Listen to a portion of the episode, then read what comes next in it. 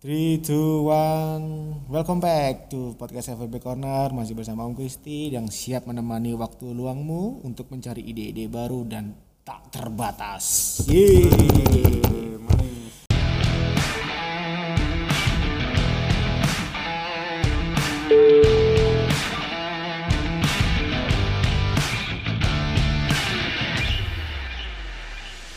Hari ini Om Kristi ditemani oleh orang asing dan baru Tetapi walaupun asing, dia tidak asing bagi saya Halo, saya temannya Om Kristi. Iya tahu. Tahu Pak. Tolong kenalan dong. Jadi biar sobat FLP ini kenal dengan pembicaranya. Dan jangan lupa prestasi Anda biar orang percaya bahwa Anda itu adalah kompatibel di pembicara. gitu. Ya boleh boleh boleh. Langsung aja kenalin ya. Ya, langsung. Nah, nama aku Febri Chandra. Biasa teman-teman itu sukanya manggil Matthew. Nggak tahu kenapa tuh. Soalnya aku memang dari desa ya. Nah, tapi dia panggil Matthew. Matthew, motor Matthew maksudnya. Enggak dong. oh, ya. Janganlah, cukup lah. Jangan sampai gitu lagi dong. Oke, ya kita doang yang ketawa nih. Oke, oke. Nah, aku kebetulan banget nih diajak sama Om Kristi nih di podcast kali ini. Kenapa? Salah satunya Om Kristi menganggap aku kompatibel untuk mengisi materi. Bukan. Jadi gini. Jadi memang kita di podcast ini adalah sasaran kita itu adalah kaum kaum milenial. Walaupun ada juga kolonial dengerin, ada, ada gitu kan. Tetapi memang karena pendengar kita itu banyak, sehingga kita cari pembicara pun ya harus relate gitu. Walaupun nanti satu dua sesi kita juga akan tampilkan orang-orang yang generasi X dan ke atas gitu. Tapi kita sesi kali ini kita mau lebih dulu kita kumpulin orang-orang yang di milenial. Gitu dong, Om Febri. Tapi kalau ngomong tadi ada pendengar yang kolonial, masa kita harus ngomongin tentang perang? Dia iya enggak gitu. Enggak kan? perang sosmed ya Oh iya iya anda itu nggak tahu netizen tuh powernya gimana gitu Iya, bener, bener. biar tahu orang-orang kolonial itu kalau perang zaman sekarang gimana biar mereka bisa memahami Iya sih mas, pas banget nih dengan Pas kan? kita hari ini, yaitu Iya. kita akan membahas tentang pernikahan. oh bukan ya? Sorry. Nah, pernikahan antara konsumen dan eh, sales Oh gimana? bukan pernikahan lo ya pernikahan tanda petik ya berarti Oh iya iya, bener-bener banget. closing lah Mhm, paham paham paham.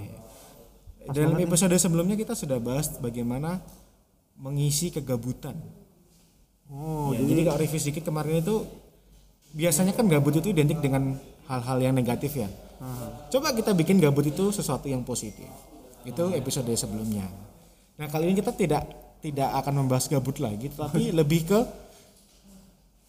magerku. Eh kok magerku? Saya hampir lupa ya. Nanti tengok aja lah di judulnya ya.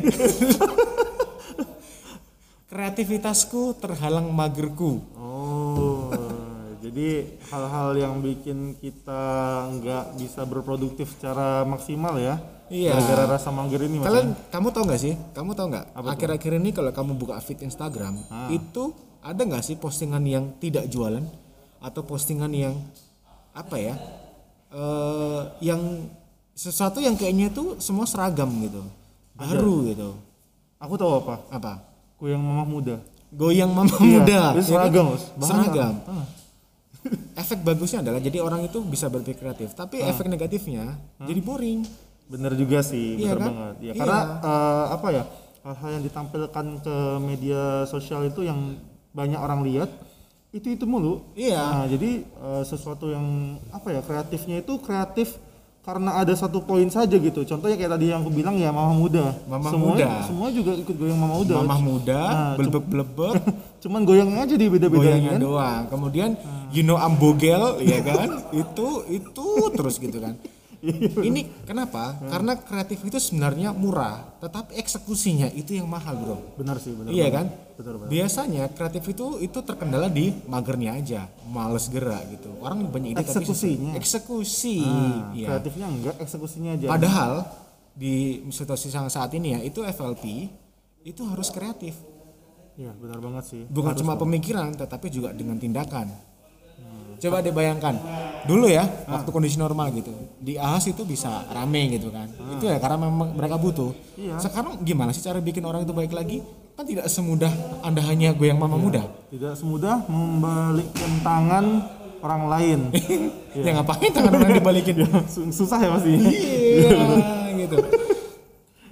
Ini kalau dari eh, Om Febri ada nggak kira-kira kreativitas apa yang sekiranya itu mudah untuk diterapkan gitu Tapi kalau ngomong ini kan berarti kita nanti ujung-ujungnya bakal ngomong tips and trick juga nih kan Om kan. Ya sebenarnya iya sih sebenarnya gini kiat-kiat bagaimana sih bagaimana sih kita nanti itu bisa eksekusi sih. Berat loh eksekusi kayak slogannya sepatu saya ini ya. apa itu? Emang sepatunya apa? Kayak itu merek deh. yang checklist itu loh. Oh. Just oh, do it. Just do it. Oh iya iya. Plan itu penting, strategi itu penting, tapi just do it itu adalah sesuatu yang harus dilakukan sih benar dan banget. paling berat. Seperti Anda nikah. ya, Menikah sih. Bapak itu Bapak Febri, Anda jangan cuma plan aja gitu loh. Nikah tuh ya harus do. Yang pertama ya harus punya pasangan dulu. Nah, itu yang susah sih. Bang. Nah, lu cari pacar aja belum. Jadi sobat FLP yang kira-kira nanti ingin cepat menikah, Jangan usah- hubung- Ya nggak usah hubungin saya lah, cari pacar sendiri. Ya ngapain hubungin bapak kan? Hubungi temennya, hubungi ini pacarnya maksudnya. Tapi jangan nikah sekarang lo ya, nggak boleh. Tapi gini mas, kalau misalkan mas tadi bilang eh, kreativitas itu gimana sih cara meningkatkannya? Terus gimana cara biar kita itu bisa ya langsung just do it, ya nggak terlalu sama mager. Cuman aku pengen eh, agak balik dulu nih. Kalau kita ngomong mager, sebenarnya apa sih yang bikin mager sih mas? Bikin mager. Kalau di, di zaman pandemi sekarang deh, soalnya kan gini, Hmm. kalau misalkan mau beli motor, ya datang tinggal datang aja. Ha. Orang mau servis ya servis tinggal datang aja. Toh kalau di wilayah kita sekat, khususnya di Kepri, Ahas masih buka kok mas. Hmm. Iya, Paling ya buka. beberapa hari libur doang ya atau hari Iya. minggu gitu. Ha-ha. Emang kenapa sih itu mas? Orang mager ya, karena satu kan, physical distancing, social iya, distancing di rumah aja. Benar-benar. Memang banyak orang itu, wah aku pengen liburan, wah aku pengen ini. Iya kan cuma pengen, tetapi kalau kita keluar, kita mikir lagi, "Ah, kalau aku pulang jadi sakit gimana? Pada akhirnya kan orang jadi mager. Dan bahkan beberapa beberapa peneliti ya sudah memperkirakan ini akan menjadi sebuah era baru. Era baru di mana orang itu akan lebih suka di rumah. Jadi walaupun Covid ini selesai, orang itu akan jadi habit baru itu adalah di rumah aja. Bener loh. Jadi kayak eh, saat ini memang kondisinya itu kita dipaksa. Tapi pada akhirnya lama kelamaan itu jadi habit kita loh. Itu beberapa peneliti jadi sudah memprediksi. Jadi teman-teman sobat FLP yang sekarang teman-teman itu sudah galakkan ya suruh beli di rumah aja. Mau nggak mau kalau ini sudah selesai anda juga harus tetap sama dong. Nggak boleh kendor. Jadi kalau nanti apa-apa konsumen maunya di rumah ya anda harus siap. Karena s- jangan cuma semangat itu sekarang tapi sampai ke depan pun juga harus tetap semangat seperti itu dibawa gitu loh. Iya iya benar-benar benar. ya kan? Iya sih benar juga. Iya, itu yang bikin mager. Kemudian yang bikin mager berikutnya adalah kadang-kadang ide Anda itu tidak logis gitu. Sehingga nanti Anda berpikir. Iya kan? Ya maksudnya ide nggak logis itu sebenarnya oke, tetapi harus dipilah lagi gitu. Ini yang kira-kira yang pas untuk di, pas untuk dijalankan yang mana, yang enggak yang mana gitu. Kadang-kadang kita punya ide besar, tetapi eksekusinya itu tidak masuk akal. Itu juga dipikirkan lagi. Ya, kita jadi beban sendiri sih. Iya. Tapi kalau menurutku gini mas, Eh, kita ini khususnya FLP ya, teman-teman FLP ya, pastinya eh, yang aku lihat di zaman sekarang nih, khususnya di pandemi ini, benar-benar memanfaatkan segala macam hal eh, untuk yang pastinya selain memikat konsumen, Ah, ya, ah. itu juga nanti pasti berdampak ke peningkatan penjualan Oke. sama peningkatan unit entry di Ahas. Ah, ah. Nah, yang pertama aku lihat itu memanfaatkan sosial media. Oke. Itu itu sangat bener loh. Apalagi yang apa, Benar. maksudnya sangat-sangat eh, berdampak sekali gitu. Kayak Hmm. teman-teman di sini eh, mau cowok atau cowok mulai rajin merawat diri. Kenapa aku Iya sih. bilang gitu? Mereka harus tampil cantik dan ganteng Hmm. di Instagram ataupun di TikTok. Nah, jadi kalau orang itu loh. iya benar kemarin se- sejalan dengan apa yang bilang kemarin gitu kan sama teman-teman jadi teman-teman itu kalau mau posting sesuatu itu pastikan dulu penampilannya sudah oke. Kan ya memang tujuan beberapa orang itu tujuan itu untuk main Instagram itu adalah supaya mereka disukai. Benar gak sih? Iya, ya kan? Walaupun anda bilang wah nggak aku main ya main aja suka-suka aku iya benar gitu kan? Tetapi kan anda kan tujuan di sini kan hanya eh, misalkan ada tujuan untuk jualan.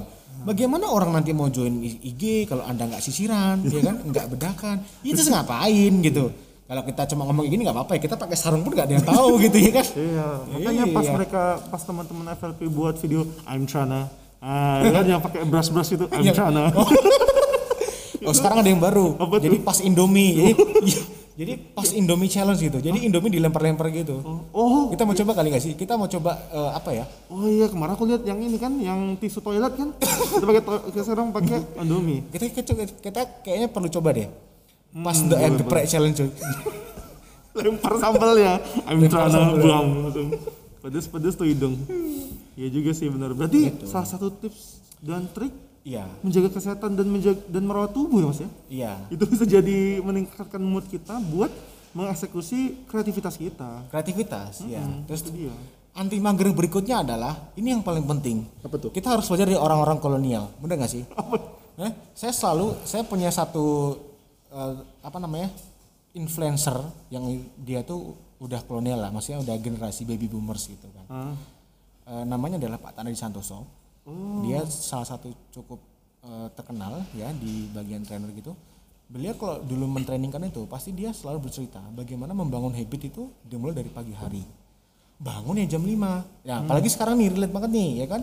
Kalau teman-teman yang berpuasa itu usahakan habis sahur jangan tidur lagi ya kan main Instagram sampai jam 5 habis itu nanti Ya, jangan. jalan-jalan gitu Jalan-jalan. maksudnya gini orang tua itu kan nggak nggak terbiasa bangun jam 7 Hmm. pasti di bawah jam 6 dong ya, kan pasti orang tua sih. kita Ya, nah kebanyakan gitu. itu adalah salah satu tindakan yang paling simpel untuk membuat orang itu tidak mager selama dia beraktivitas untuk ke depannya Hmm. ya kalau apa misalkan gini tadi eh, Om Kristi bilang bangun sahur ya kan? Kalau ini Iya. bagi berpuasa nih ya. Iya ya bangun sahur. Mungkin habis itu sholat subuh lah. Ya nah habis itu kan nggak mungkin kerja jam 6 pagi dong. Ya enggak. Tadi nah kok- inilah. kebanyakan orang dipakai buat tidur. Benar. Makanya di sini teman-teman kalau punya resep blebek-blebek, buatlah jam jam 5 pagi gitu. Jadi masukin kulkas, ntar pulang dari apa kantor, buka puasa pakai blebek-blebek itu. tangan kekar kekar tuh tangan Iya. kanannya tapi tadi Om Kristi bilangnya dipakai aja buat jalan-jalan nah terus Ya, kalau ya, di sini teman-teman. FLP yang pengen jalan-jalan ke Bali Maksud boleh pak, boleh boleh, boleh.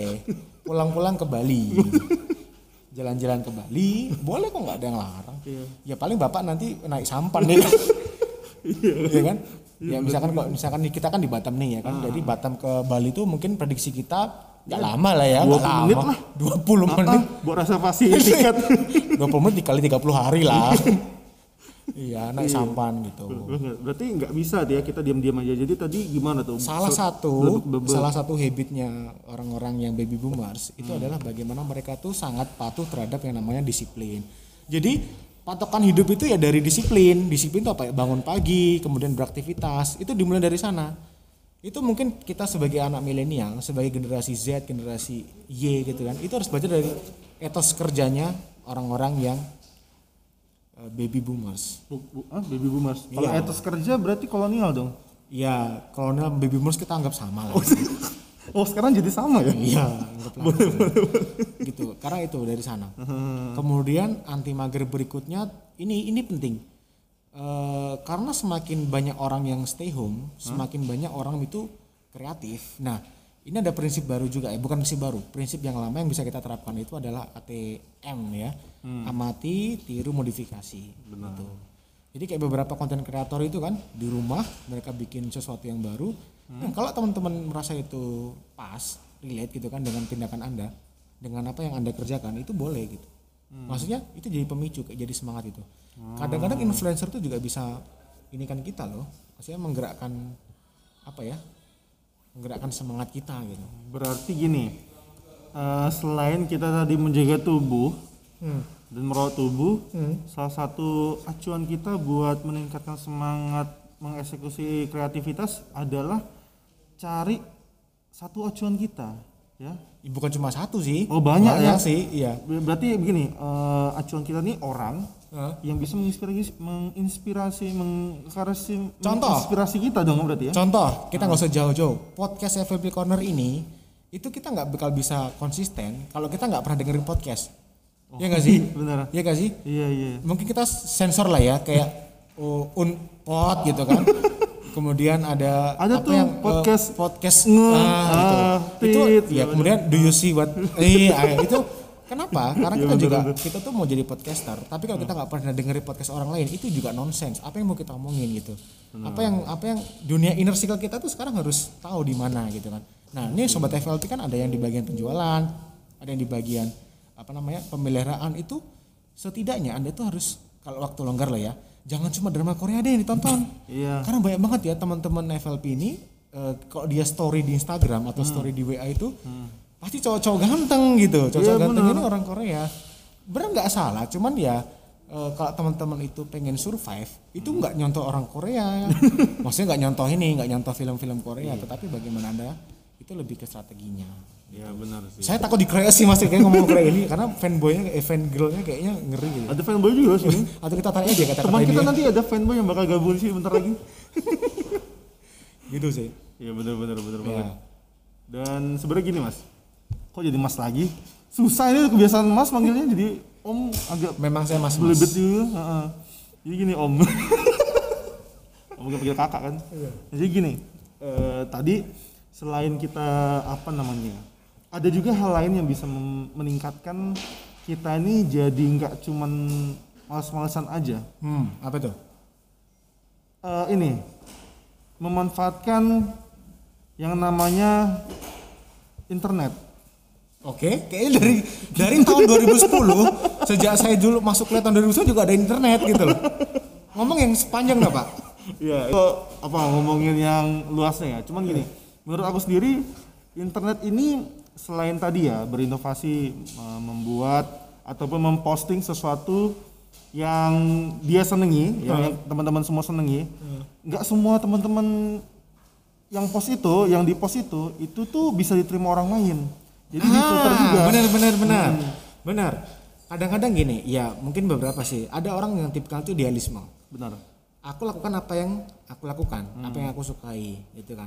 Terus ada juga orang yang kita tuh melakukan, tetapi seperti berpura-pura gitu kan, atau bertopeng gitu kan, dengan tujuan orang lain menyukai apa yang kita post. Kita suka, ah kita post. Ah. memaksa orang lain untuk menerima apa yang kita post, apa yang kita suka. Sedangkan orang lain juga pasti punya apa punya ya, keinginan. punya keinginan, punya kesukaannya sendiri. Nah, gitu. Iya, benar sih. Jadi kalau kalau saran dari kita sih, karena teman-teman itu kan FLP kan, Hmm, informasi yang diberikan itu harus sejalan dengan apa yang mereka butuhkan. benar. Gitu dong. Bener Iya banget kan? itu. Kalau sekarang nih, ya, boro-boro Mas beli motor, beli beras saja harus nunggu pemerintah. gitu kan? Iya, benar. Ya, mungkin kita sekarang itu tidak bisa memaksakan 100% orang untuk eh, menyetujui apa yang kita post gitu. Tetapi lebih bagaimana sekarang kita tuh berada di sisi mereka sehingga gitu kan kesannya adalah kita tuh tidak memaksa orang itu untuk eh, terus-terus membeli produk kita, tetapi kita tuh bisa membangun hubungan lah jangka panjang sehingga nanti kalau mereka sudah siap secara finansial, Hmm. Mereka ingat kita. Ah, itu dia. Ya Benar kan? banget itu. Iya, jadi branding kita tuh jangan seperti kita tuh, waduh ini kita susah, mereka susah. Jadi kita kita kan sebagai di sini kan posisinya kan sebagai supply-nya gitu kan, Hmm. gitu kan. Kita tuh kan penjualnya gitu. Ya itu sih, jangan terlalu ekstrim gitu kan. Harus Hitung-hitung, itu kan juga membuat apa namanya eh, hubungan antara teman-teman FLP ya dengan konsumen yang langsung berhadapan dengan konsumen Oh. itu jadi lebih akrab. Jadi yang biasanya cuma face to face sekarang masa gara-gara covid ini teman-teman jadi jarang ketemu terus jadi jarang ngobrol sama konsumen ya Iya, kan? Nggak mungkin. Nah di sini teman-teman cari eh, banyak nih fasilitasnya untuk bisa tetap berkomunikasi dengan konsumen secara baik dan benar. Benar. dan terus tetap membuat konsumen ini nyaman. Benar, intinya adalah bagaimana kita tuh komunikasi yang baik. Jangan-jangan nih ya, Anda terlalu banyak oh, menghubungi konsumen, kontak konsumen terlalu banyak, terlalu sering, Anda di ban. takutnya itu Iya kan? yang kita Bu- takutkan Bukan kita malah mendapatkan positif ya, artinya malah mendapatkan sesuatu yang negatif. Dan itu apalagi Anda membawa brand gitu kan. Berarti yang dicap mungkin bisa brandnya gitu. Itu kan sangat bahaya. Jadi pintar-pintarlah berkomunikasi. Itu sangat penting. Pintar-pintarlah membuat konten di sosial media udah pasti. Kita mau nggak mau digital ini sudah menjadi dunia kita yang sekarang. Hmm, aku suka loh lihat beberapa teman-teman FLP Hmm. eh, apakah itu dari KP ataupun luar daerah Sip. itu aku banyak ngelihat ini mas eh, teman-teman yang mulai mempromosikan sesuatu hal entah itu yang berkaitan dengan dealer ataupun bahas Hah? melalui media video Oh ya ya benar benar. ada tuh yang namanya ya udah kita omongin dari Nah, tadi ya Ini ini ini juga ini TikTok. sedikit banyak juga ini nih mendengarkan podcast kita ini ya kan. bener banget Kegabutan berfaedah men gitu kan. coba orang buat kayak gitu karena apa karena gabut gak ada konsumen yang datang Iya. ya kan Iya, mungkin bahasanya bukan gabut lah ya. jadi apa tuh Bahasanya mungkin adalah tidak ada kerjaan lain gitu. iya takut dimarahin bosnya gara-gara duduk diam-diam aja atau main main Mobile Legend nah tuh main lah tuh Mobile Legend di ruang tunggu Gila, kita udah angkat tinggi-tinggi kita jatuhin lagi, Bos. Sorry ya teman-teman FLP. Nggak, Ini ya biar kita lucu sih gitu. Iya. kayaknya sih nggak ketahuan kita doang tapi nggak apa-apa lah ya namanya usaha gitu. benar banget itu dia makanya selain ah, itu tadi yang video ya video itu sangat Video. eh, apa ya, impactnya cukup besar sih menurutku Iya. karena bahkan ada loh video yang dia tuh eh, kameranya kayaknya kameramennya itu dia terbang loh. Iya kan? Dia, dia bisa maksudnya bisa terbang loh kameramennya. Oh, memanfaatkan inilah apa namanya memaksimalkan potensi dari manusia yang memegang Iya. kamera itu. Ngeri banget sumpah dia bisa terbang cuy. Jadi kayak gambar itu dari atas gitu. Aku nggak yakin itu drone, nggak yakin aku itu pasti manusia itu. Ada kok, iya keren. Banget. yakin pula. yakin saya drone nggak yakin. Iya, bener itu Hmm. saking gabutnya gitu loh. Jadi dia bisa sampai terbang ke atas gitu. Nggak tahu sih mau pakai sistem katrol atau dia pinjam eskavator gitu kan. Aku nggak tahu. Ya benar juga sih. Agak berat sih buat Agak- video kayak gitu. iya, iya, berat. Itu memang benar-benar keniatan gitu. Terus apalagi ya selain TikTok, video halu. Nah, ini bocoran dikit ya. Oh iya. Tunggu ya, tunggu tanggal mainnya. Tunggu tanggal Kita mainnya mau aja ya. bikin video halu. Nanti silakan berpartisipasi kita mau kasih beberapa bingkisan. Ya. Buat teman-teman yang pengen bikin video halu. Ya, buat teman-teman yang mengikuti kompetisi itu nanti akan mendapatkan satu unit motor dengan syarat Awas lupa nanti. Dengan ya. syarat- Jangan cari saya, cari Pak Febri kalau beli kalau nanti dapat motor. dengerin dulu dengan syarat setelah upload itu satu eh, eh, teman-teman bisa ngedapat ini minimal 30 konsumen dalam tiga hari ya minimal 30 konsumen satu orang loh ya nah dia yang berhak dapat motor Aduh. agak berat ya tapi ya Janganlah. kita Kita, cuma bisa kasih vouchernya adalah foto sama kita sih nanti kalau udah after covid. entah apa anfa- apa faedahnya foto bareng Om Kristi itu apa ya Gimana ya? Sebenarnya nggak ada sih. tapi, tapi kan kalian nggak punya foto sama saya kan? bener juga ya. Iya, gitu nggak ada. ya minimal menu-menuhin aja lah Iya. Iya, namanya juga usaha siapa tahu ada yang terpincut Ya. Gitu sih. Ya aku tahu lah Om Kristi katanya mau nambah istri Untung sih saya nggak dengerin podcast Pak. untung aja untung aja untung banget Untung banget ya. Jadi buat ya mama jangan dengerin podcast ya. nah pasti dengan adanya pandemik ini Hah?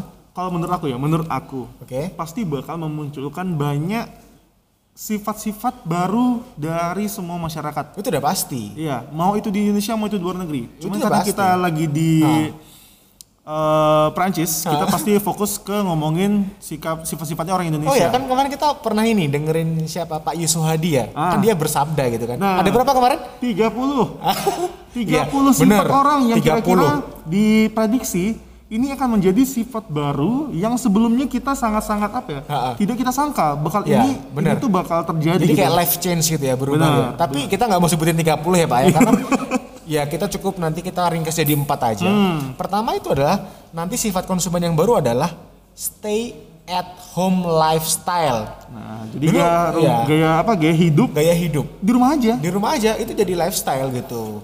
Karena memang sekarang anjuran lifestyle dan jadi habit hingga akhirnya itu jadi lifestyle gitu. Nah, gitu aja. Terus ada lagi ada namanya kita itu bottom of the pyramid atau piramida dari bawah gitu. Jadi kayak kita tuh mengacu ya ini sedikit sedikit agak eh, ini ya apa sulit gitu ya. Jadi ke piramida Maslow, bagaimana konsumen kini bergeser kebutuhannya yaitu makan, kesehatan, dan keamanan jiwa raga. Ini yang jadi patokan utama Iya dong. orang dalam hidup Iya. ya maksudnya. Jadi kalau dulu apa namanya eh, apa ya sekarang zaman sekarang itu apa sih yang penting kayak Memikirkan gengsinya, Mas. gengsi. Kebanyakan Nah, seperti itu sih. Enggak, sekarang kesehatan jadi utama. Kalau dulu kesehatan ya udahlah gitu ya, kita udah sehat kok gitu. Sekarang nggak bisa. Dan kemudian ini ini juga kayaknya jadi penting nih keamanan jiwa raga nih, asuransi juga kayaknya bakal meningkat gitu ya. Oh, kebutuhan asuransi. Iya, benar-benar. benar itu. Kemudian Buka perusahaan asuransi gitu. janganlah ini bukan ranah kita nih. Nanti kita di band soalnya. Terus ada apa lagi tuh yang Pak Yuswa disampaikan kemarin? Lalu selanjutnya ada hal yang benar-benar ini akan menjadi besar, apalagi sekarang saya sudah berjalan, apalagi ke depannya, yaitu eh, kebiasaan kita menjadi go virtual. Semua yang kita inginkan menjadi maya. Apa pun yang kita inginkan bisa kita dapatkan melalui Maya. dunia maya. Maya Estianti. Septa, Maya Septianti. Iya, kita lebih ke go virtual ya. Benar, benar banget. Ya, memang saat ini kita tuh eh, sudah di masa di transisi di mana nyata dan maya itu ya berdampingan. Tapi sepertinya kita akan menjadi go virtual. Contohnya? Contohnya seperti pemanfaatan ojek online. Ojek online. Yang ada yang relate dengan kita sekarang? Yang real apa itu? Zoom meeting Wih, bener banget. Nggak bener sih? banget. Dulu Iya. gini ya, ini kebiasaan pribadi apa maksudnya? Ini aktivitas kita sehari-hari deh. saya pengen jadi anak buahnya Zoom meeting ini kayak saya pengen beli sahamnya Zoom meeting ini kayak Zoom ya? Yang aplikasi Zoom itu kan? iya Nah, kayak cuman gini, Gila, yang tadi Om Kristi bilang relate-nya apa? Dulu kita teman-teman FLP Hah? training capek nggak? Harus harus harus buang-buang bensin nggak sih dulu? Nggak sih Harus Iya. kan? hujan-hujan rela ya kan habis itu habis training pulang sakit sekarang ya kan Sekarang apa? Enak, kita nggak perlu nyepis tapi ada nggak enak juga. Apa tuh? biasanya training ini kan kita tuh ketemu teman baru Ben, having fun dan kita tuh punya memori memori yang kelam. nah sekarang kita dunia pakai zoom. Ah ah krosak krosak nggak jelas ngomongnya. Itu ditanya, kadang kesel ya. ditanya sama junior, ngomong apa sih gitu? Ditanya sama junior, eh kamu kemarin training di mana? Wah aku training di rumah. Pakai Zoom. Kan nggak enak. home training Home ya. training, Iya, bener tapi di awal emang nggak enak. Tadi saya juga pernah dengar cerita kan, orang yang gali sumur itu juga awalnya berat. Mana nih nggak ketemu airnya gitu. Tapi lama-lama setelah dia menggali cukup dalam, akhirnya dia, wow ada airnya nih keren. Jadi sesuatu yang baru tuh memang nggak nyaman pasti. Selalu sih. Selalu. Masih selalu penyesuaian lah. Ya, tapi ini prediksi ya. Ini prediksi konsumen itu semakin go virtual. Dikit-dikit virtual gitu. Hmm, Mesan ini mesan itu, pengen ini pengen Virtual. itu, semuanya virtual. Kencan virtual ya kan? Apa namanya itu? Em, online dating dong. online dating, Iya, online ya. dating. itu juga sudah mulai virtual bahkan besok suap suapan pun virtual Itu ngenes sih. tapi, tapi ada nggak sih yang nggak bisa virtual tuh ada nggak sih kegiatan kita yang nggak mungkin bisa bisa virtual, virtual. Eh, bangun ada, rumah bangun ada. rumah nggak bisa virtual Iya, tadi aku pengen buang air besar virtual, bisa nggak ya? Kan nggak mungkin bisa ya. jorok udah Pasti eh, malu.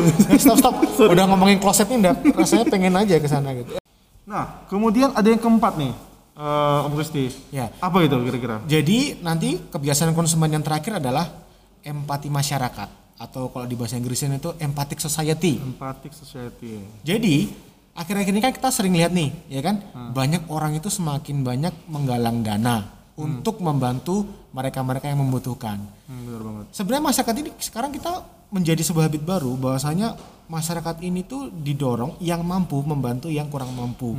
Jadi mereka tuh melahirkan generasi yang penuh empati. Jadi merasakan kira-kira oh kalau aku itu di atas, di bawah tuh gimana sih rasanya? Kan iya kayak gitu kan. Jadi le- penuh dengan empati dan itu bagus sih.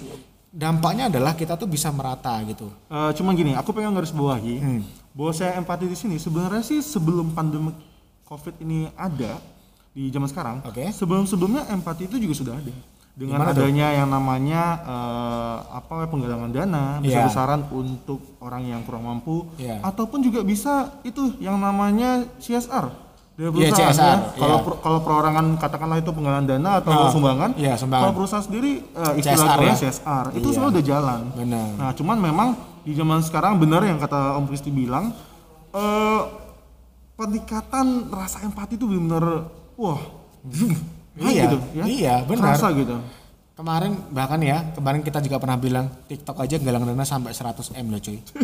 Jadi tidak Anda berfaedah banget lah bikin TikTok itu ya karena sampai mereka kaya. Tapi memang kayak gitu sih. Memang itu karena rasa empati yang tinggi dari masyarakat. Dari lubuk hatiku yang paling dalam, aku sangat mendukung Iya. teman-teman buat video mamah muda.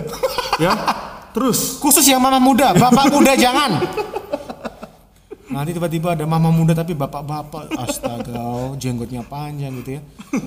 Iya dan sih. memang empat sifat ini yang kita rangkum ya. Iya. Eh, ini prediksi, masih prediksi, tetapi memang Tapi sepertinya memang ini kan prediksi, tapi ini melihat dari kondisi sekarang Kondisi gitu loh. sekarang, ya udah ada. Iya, yang ngetren sekarang memang seperti itu. Tapi ini sih eh, Om Kristi yang aku rasain sekarang dari kesemua ini Hah? eh, yang udah aku tahu bahwasannya hmm, hashtag di rumah aja itu benar-benar sangat berpengaruh sih terhadap kita. Iya. Ya memang gini teman-teman FLP kalau yang khusus counter sales yang jualan Ah, memang belum pernah ya yang namanya eh, WFH work from home. ah, ah. Nah, terus eh, teman-teman front desk di Ahas juga eh, Susah, ya kan? susah. Mau home juga Nah, susah. ini juga menjadi ini ya ucapan terima kasih dari Iya, kami yang iya. sedalam-dalamnya buat teman-teman semua. buat FLP. Ya, buat OFLP, buat semua jajaran. Anda adalah garis terdepan di kita yang Benar. berjuang untuk kemajuan Nah, Honda. yang sudah benar-benar apa ya full gitu berjibaku di garis depan Iya. ahas ataupun dealer Iya. Eh, ini, ini bener ya kita nggak bohong ya. bener Ini banget dari ini. hati kami terdalam FLP ini emang sekarang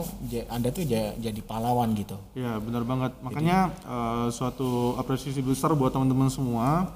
Dan eh, bagi kami sendiri, kalau kita balik lagi ke hashtag tadi, itu menjadi apa ya suatu aktivitas yang eh kegiatan sehari-hari kerja, Hah. terus kehidupan sehari-hari, Oke. eh, aktivitas normal seperti biasa, Hah? dan juga menjadi eh, arena kita bersantai, bermain segala macam.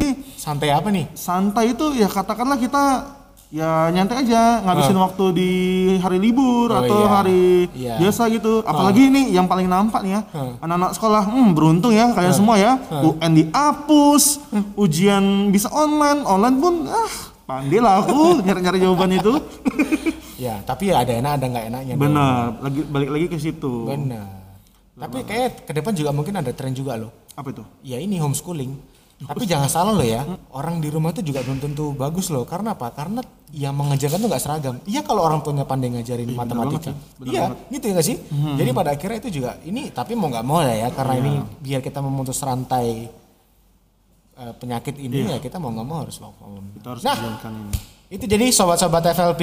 Jadi kita ulangi lagi ya. Jadi nanti ada kebiasaan konsumen. Ini prediksi tapi sepertinya memang eh, bakal kejadian ya. Yang pertama adalah stay at home lifestyle atau gaya hidup tinggal di rumah. Yang kedua adalah piramida dari bawah. Artinya sekarang eh, sandang pangan papan itu sudah menjadi kebutuhan utama lagi ya. Dan juga ditambah kesehatan dan eh, keamanan jiwa raga seperti asuransi dan sebagainya. kebutuhan eh, apa ya namanya yang kebutuhan-kebutuhan seperti katakan untuk Hah?